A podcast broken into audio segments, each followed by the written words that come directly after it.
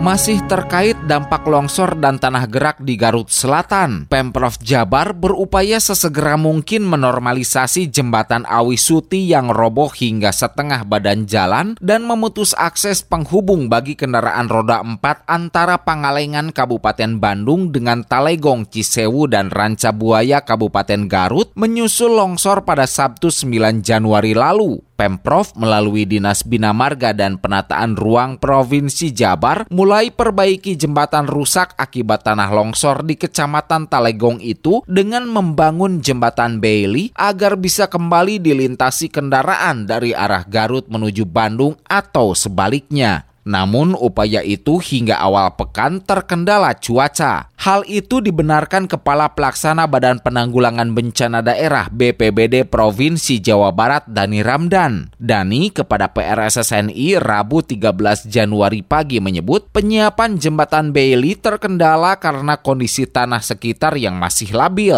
Menurut Dani, Dinas Bina Marga juga upayakan pengerasan dan penguatan dua sisi jembatan sehingga Bailey sempurna berdiri. Pembuatan jembatan beli, namun itu pun terkendala karena materialnya cukup berat, sementara tanah sangat labil, hingga masih menunggu situasi hujan yang berkurang dan tanah mengeras dulu gitu. Dan juga sedang diupayakan penguatan-penguatan di kedua sisi dari jembatan yang akan dibangun.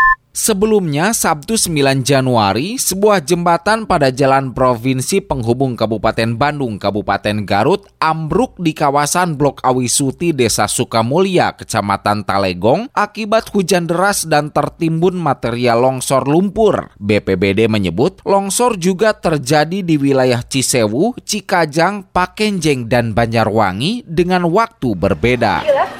Kilas Radio. Kilas Radio. PR SSNI Jabar Wilayah Priangan.